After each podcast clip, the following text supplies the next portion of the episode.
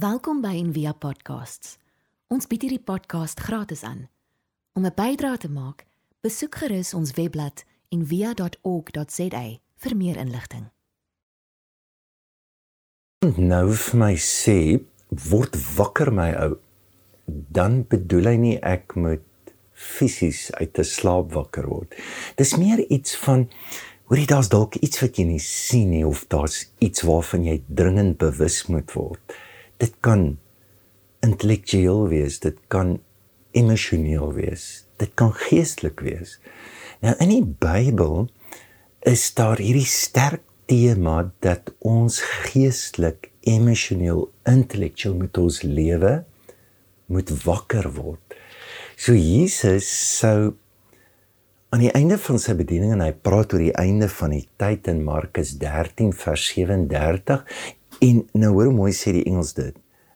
And what I want to say to you I say to you all stay awake.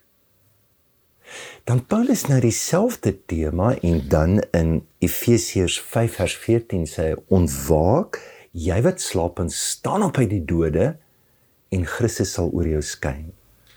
Nou jy moet besef hierdie skrywe hy nie vir 'n klomp afvallige mense eers nie of ongelowiges, gelowiges. Dan sê hy staan op word wakker en dan gaan Christus oor jou skyn. So daar's die tema. Dink aan Petrus, 1 Petrus 5 sê wees nugter en waaksaam want die duiwel loop rond soos 'n brullende leeu. So die die uitnodiging, die beelde is dat dit verskriklik gevaarlik om in ons taal sleepwalking te doen. Eerens gaan jy seer kry. Nou ons dink dat godsdienstigheid verseker dat ons wakker is. Baie keer is ons nou 'n Bybelteks of iemand verduidelik vir my iets of verkoop aan jou die waarheid of sê dan dan voel jy maar ek is verlig, ek het insig, ek weet. Maar dit lyk vir my dat Jesus wys vir ons dat God godsdiens kan ook amper soos in Karl Marx se woorde 'n stuk kokaine word wat ons eintlik verdoof en aan die slaap hou. Daarom die bekende woorde waak en bid. So wat sal dit beteken? Ons kan selfs bid en nie ten volle teenwoordig wees vir God vir onsself vir ander of op 'n ander manier te sê regtig te kan sien en te kan luister wat in die interaksie met my gebed en met God gebeur.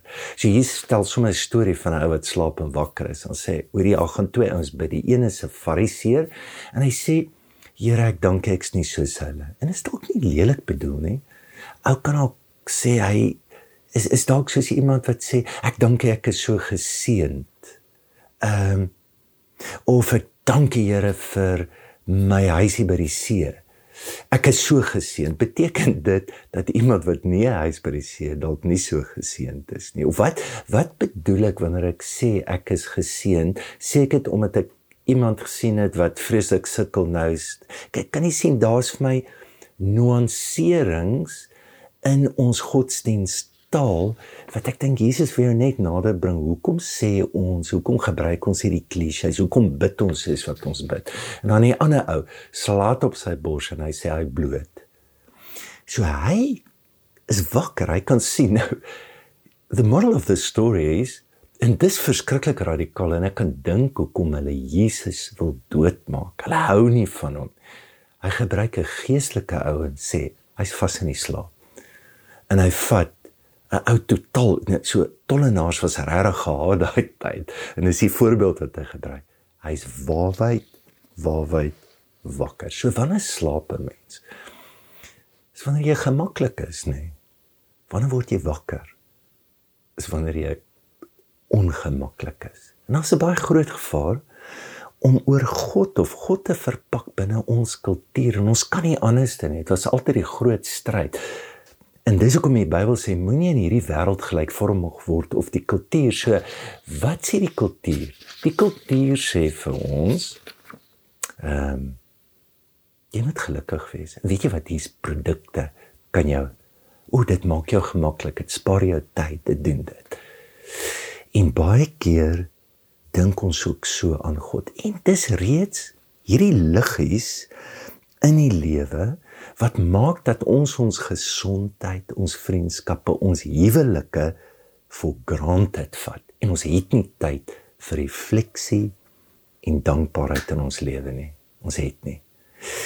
Ek dink dit was Thomas 'n moer wat praat van hy praat van hierdie tendens van die liggies en die verdowing. Hy sê as 'n kroniese grys depressie.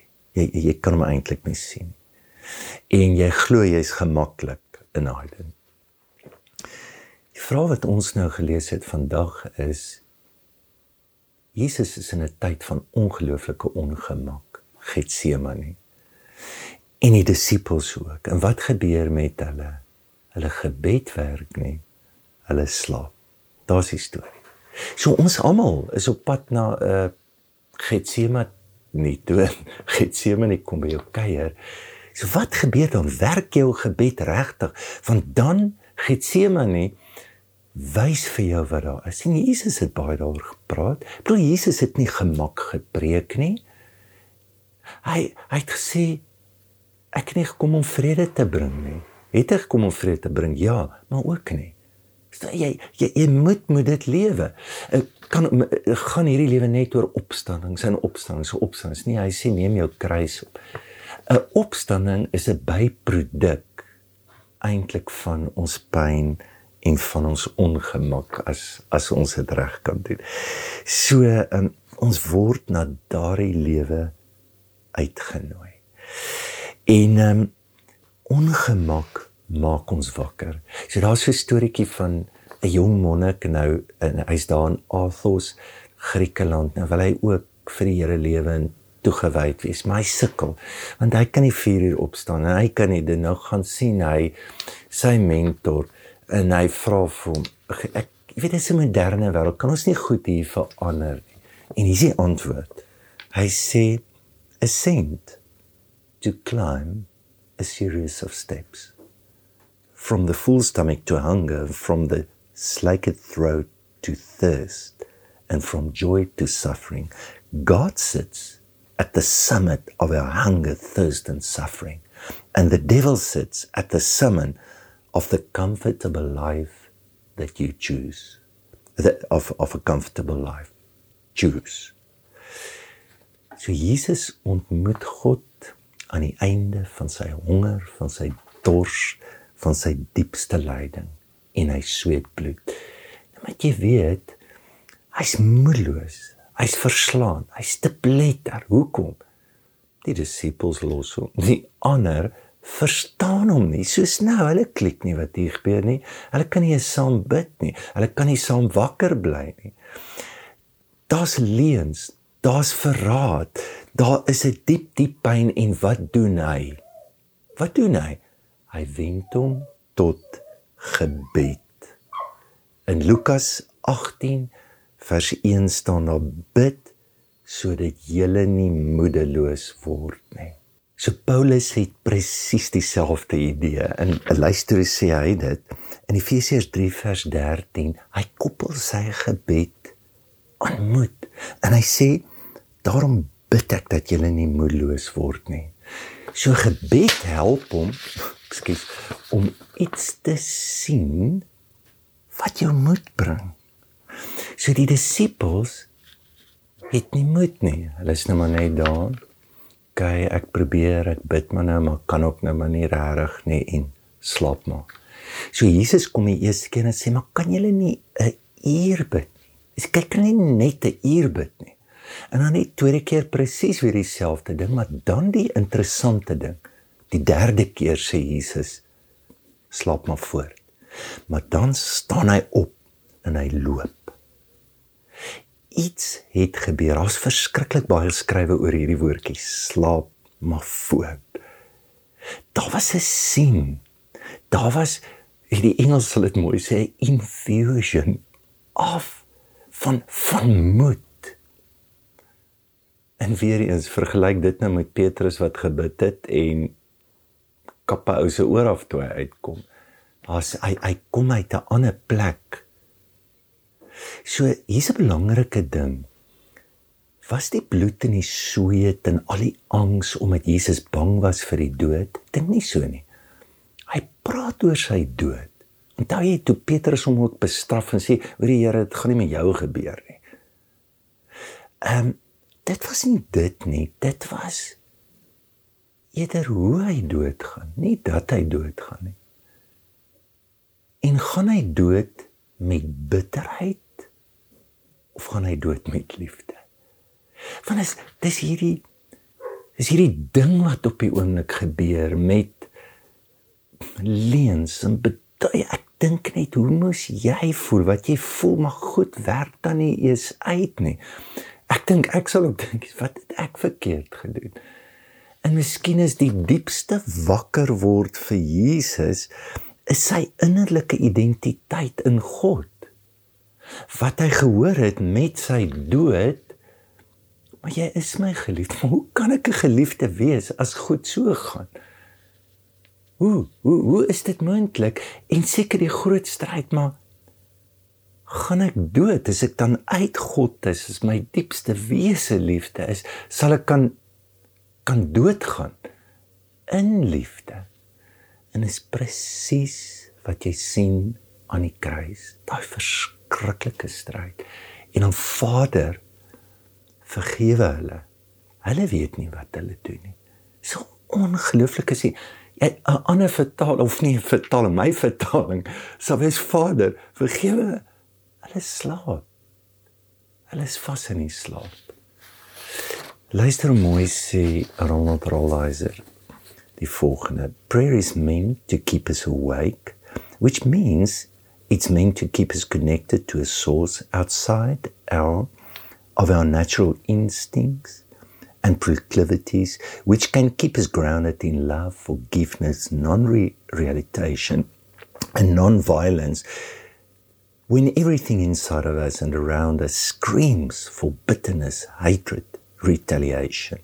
And if Jesus had to sweat blood in tr- trying to stay connected to the source when he was tested, we can expect that the cost for us will be the same struggle, agony, wanting in fiber of our being to give in clinging to love precariously by the skin of our teeth and then having God's angels strengthen us only when we have been writhing long enough in the struggle so that we can let God's strength do for us what our strength cannot do for us. Kyk ons vandag ongelooflik baie goed oor wees bewus, ehm um, word wakker, ehm um, mindfulness, mediteer en ek dink alles is wonderlik, maar ek dink nie dit gaan die bewustheid ons diepste motiverings lank genoeg kan dra tensy ons ook verbind word aan 'n diep diep bron. So kom ons sê dankie vir 'n wekker wat afgaan in ons lewe, vir Getsemane. Dis tog 'n wekker wat jou wakker maak in die oggend. En wat mooi is baie van die ou geloofshelde en en wyse mense het glo 'n wekker ons te wekker nodig. Jy het iets nodig om hierdie ding diep te maak en dit te hou. En een van die en, en dis maar geloofsgewoontes. En daar's baie geloofsgewoontes, soos byvoorbeeld om te gee. As ek gee, Ehm um, ek kan gee uit soveel motiverings uit omdat ek iets wil terug hê. So dit dit kan amper great wees, maar kan gee. En as ek reg gee in daai gee kom daar 'n sien van wie mammon werklik is, van wat die nood is. En jy sê met enige mens praat wat wat geers is, daar gebeur meer met hulle as met mense wat enigiets ontvang. Ons geleesde gedeelte is 'n uitnodiging na gebed en ek wil jou uitnooi hierdie jaar om te bid en wakker te word in ons gebed. En as een gebed wat jou verskriklik kan help met dit en dis die eksamen. So jy het nou baie gehoor. So Plato het mos sê the unexamined life is not worth living. So uh, en, en dis die waarheid dat dat as ek nie as ek nie sien wat werklik daar is, as dit nie se moeite werd om te lewe nie. So wat ek droom hierdie jaar is dat ons almal op een of ander manier die eksamen sal bid. En veral in ons Getsemanes, maar elke dag in ons lewe.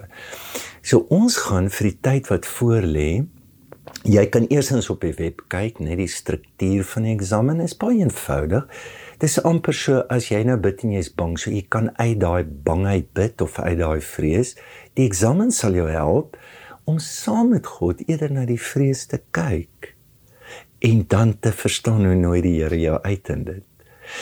So en daar's soveel maniere om die eksamen te bid en uh so Willem gaan hierdie jaar vir ons 'n klomp vertaal. Um, ek het afkom op hierdie verskriklike oulike boekie en ek het die hele Desember dit gebid. So hy temas en sê maar oor vriendskap of wat ook al en dan help jy bid daaroor. So Dion gaan dit vir die tieners ook doen en ons gaan sommer nou in 'n begeleide meditasie um, wat Dion net geskryf het en gedoen het um, vir die tieners. Nou kan jy vir 'n paar oomblikke net dink waarvoor is jy dankbaar? Nou dit kan so klein of so groot wees soos wat jy wil hê. Niks is te eenvoudig nie of niks is nie belangrik genoeg nie. Dit kan wees van die tandepasta op jou tandeborsel vanoggend, wat dit ook al mag wees. Dink aan enigiets waarvoor jy dankbaar is.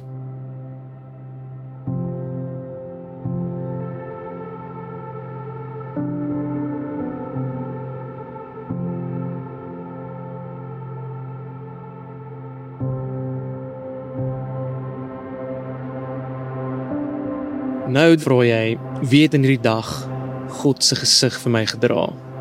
Was al iewers waar God na my toe gekom het deur iets wat iemand anders gedoen het of iets wat iemand anders gesê het? Wanneer so 'n oomblik by jou opkom, sien dit in jou gedagtes en dan laat jy jouself toe om te voel hoe goed dit vir jou was.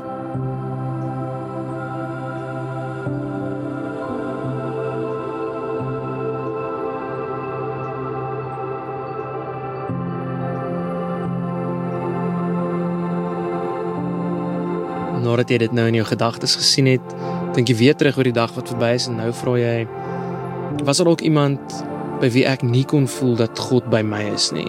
Het ek dalk iemand gemeet aan dit wat ek graag wil hê en gevoel hulle is nie goed genoeg vir my nie? Gesels met God oor hoekom dit moeilik was vir jou en wees eerlik, wees reguit. En sê enigiets wat in jou hart opkom.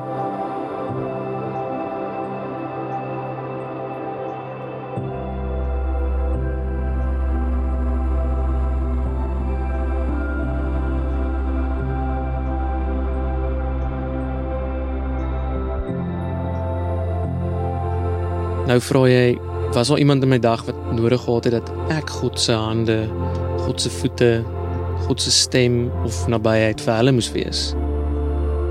Dink nou eers of daar dalk iemand was by wie jy dit nie reg gekry het nie, al sou jy dalk graag wou.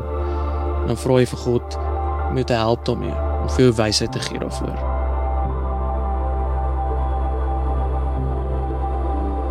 Wanneer jy klaar aan so iemand gedink het, dink nou aan iemand by wie jy dit dalk tog reg gekry het. Iemand vir wie jy iets kon wys van hoe God kan lyk. As jy aan so iemand kan dink, wees dankbaar daarvoor en sien dit in jou gedagtes en dan beleef jy ook hoe goed dit was.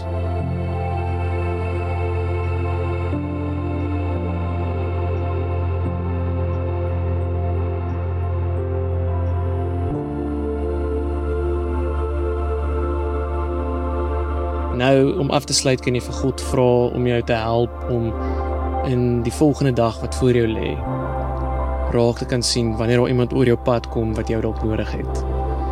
En gebruik jou verbeelding. Dink bietjie in, hoe sou dit lyk as jy iemand so sou hanteer dat hulle iets van God beleef? 'n Goeie vraag om ook nou te vra is om te dink, wat het jy dalk nodig van God af om jou te help om so op te tree? Miskien is dit iets soos meer geduld of dalk meer selfvertroue. Dit kan enigiets wees wat by jou opkom wat jy voel jy sal help daarmee. En dan vra jy vir God om dit vir jou te gee.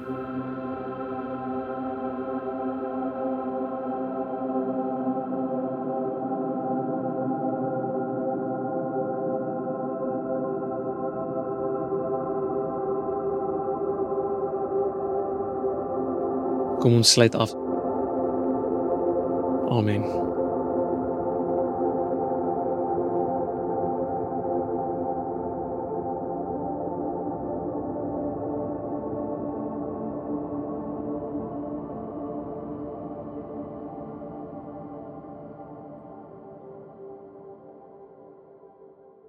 Mag hierdie jaar 'n ongelooflike jaar wees wat jy groot skuwe 'n groot sien in jou lewe ervaar omdat jy bid. Dankie vir julle ondersteuning ook. So daar is die SnapScan. Jy kan gee as jy wil en dan loos hom op die web vir al die ander plekke en goed wat jy kan ondersteun. En uh dan mag die dag ook vir jou sy gawe gee wat hy so graag vir jou wil gee. Geniet die dag. Ons hoop van harte jy het hierdie podcast geniet of raadsaam gevind. Besoek gerus en via.ok.za vir meer inligting.